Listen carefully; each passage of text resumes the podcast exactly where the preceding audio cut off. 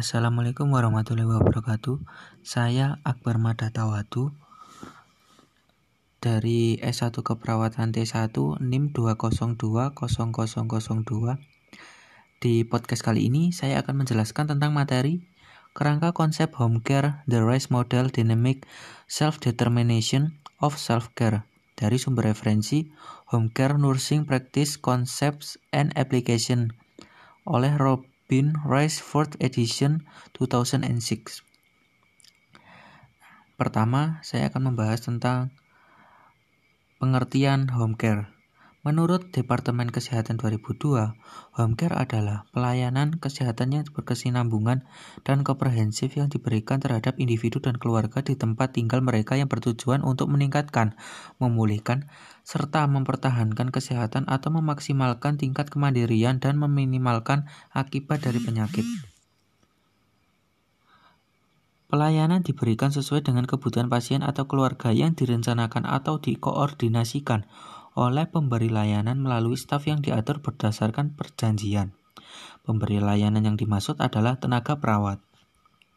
Perawat dalam hal ini menjadi ujung tombak yang akan berhubungan secara langsung dan terus-menerus dengan pasien dan keluarga pasien, serta mengatur kerjasama dengan profesi lain guna mencapai peningkatan kualitas kesehatan pasien serta kemandirian pasien serta kemandirian pasien dan keluarga dalam merawat pasien. Pelayanan home care didukung oleh berbagai model teori keperawatan. Dalam hal ini akan dijelaskan teori model RISE yaitu Dynamic Self-Determination of Self-Care. Yang dimaksud dari model ini adalah bahwa pasien diberikan kebebasan untuk menentukan pilihannya dalam merawat diri sendiri guna menjaga keseimbangan kesehatan mereka sendiri.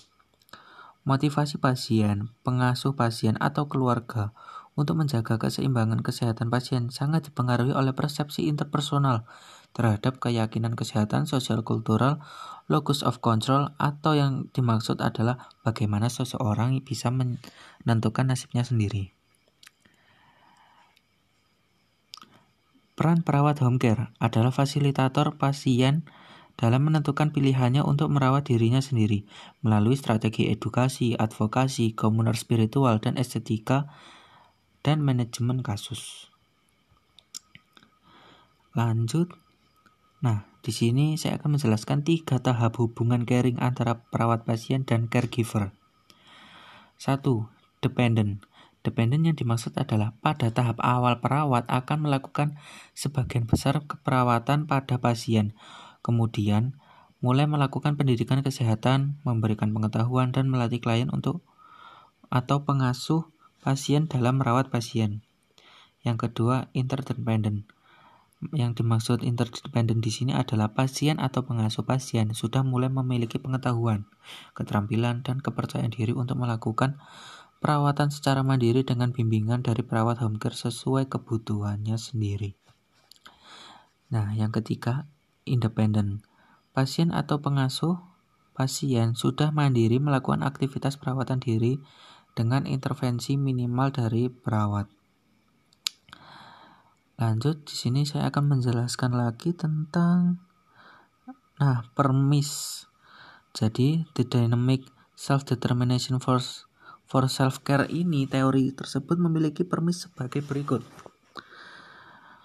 Satu, setiap orang memiliki pengaruh yang besar terhadap kesehatannya masing-masing. Hal ini adalah faktor alamiah yang mendorong kita untuk mendapatkan ukuran kesehatannya optimal.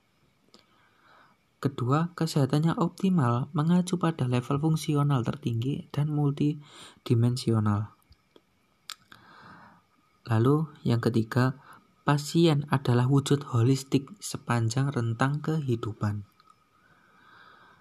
Yang keempat, terjadi kerjasama antara perawat pasien, pengasuh pasien, dan tim profesional lainnya dalam menentukan tujuan, mengambil keputusan, dan pengetahuan. Pasien dan pengasuh berperan aktif dalam perawatan dan terutama akan menentukan hasil kesehatan. Lalu lanjut yang kelima. Nah, pasien atau pengasuh berbagai tanggung jawab dalam merawat pasien yang difasilitasi oleh perawat home care. Lalu yang keenam, perawat home care berperan sebagai fasilitator pasien dalam menentukan sendiri perawatan dirinya dan melibatkan berbagai aspek caring atau yang dimaksud eh, pendidik seperti pendidik, advokat, manajer kasus dan komuner spiritual estetik. Lalu lanjut yang terakhir, pengasuh atau keluarga dipandang sebagai kepanjangan tangan dari pasien dan kebutuhan pasien dan berperan dalam merawat pasien.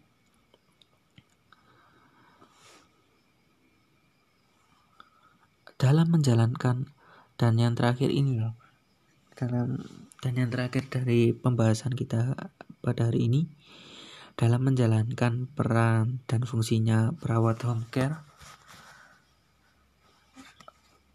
sebentar sebentar. Ada kesalahan teknis. Mohon bersabar ya.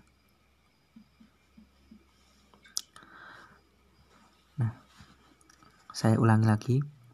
Dalam menjalankan peran dan fungsinya perawat home care mungkin akan dihadapkan pada pasien, pengasuh, atau keluarga pasien yang tidak bisa diajak kerjasama dalam menjalankan program perawatan mandiri.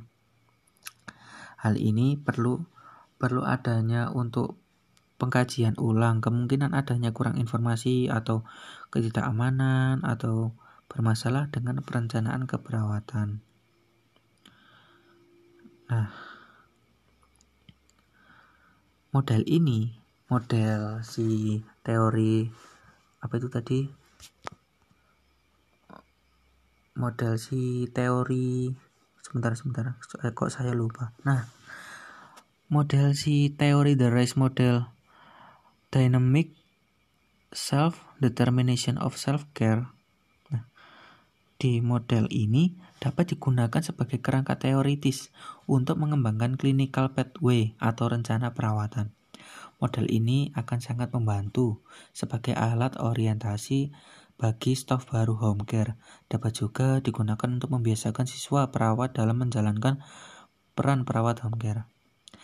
Lalu model ini juga memberikan konsep untuk pengujian dan mengembangkan teori lebih lanjut dalam perawatan di rumah.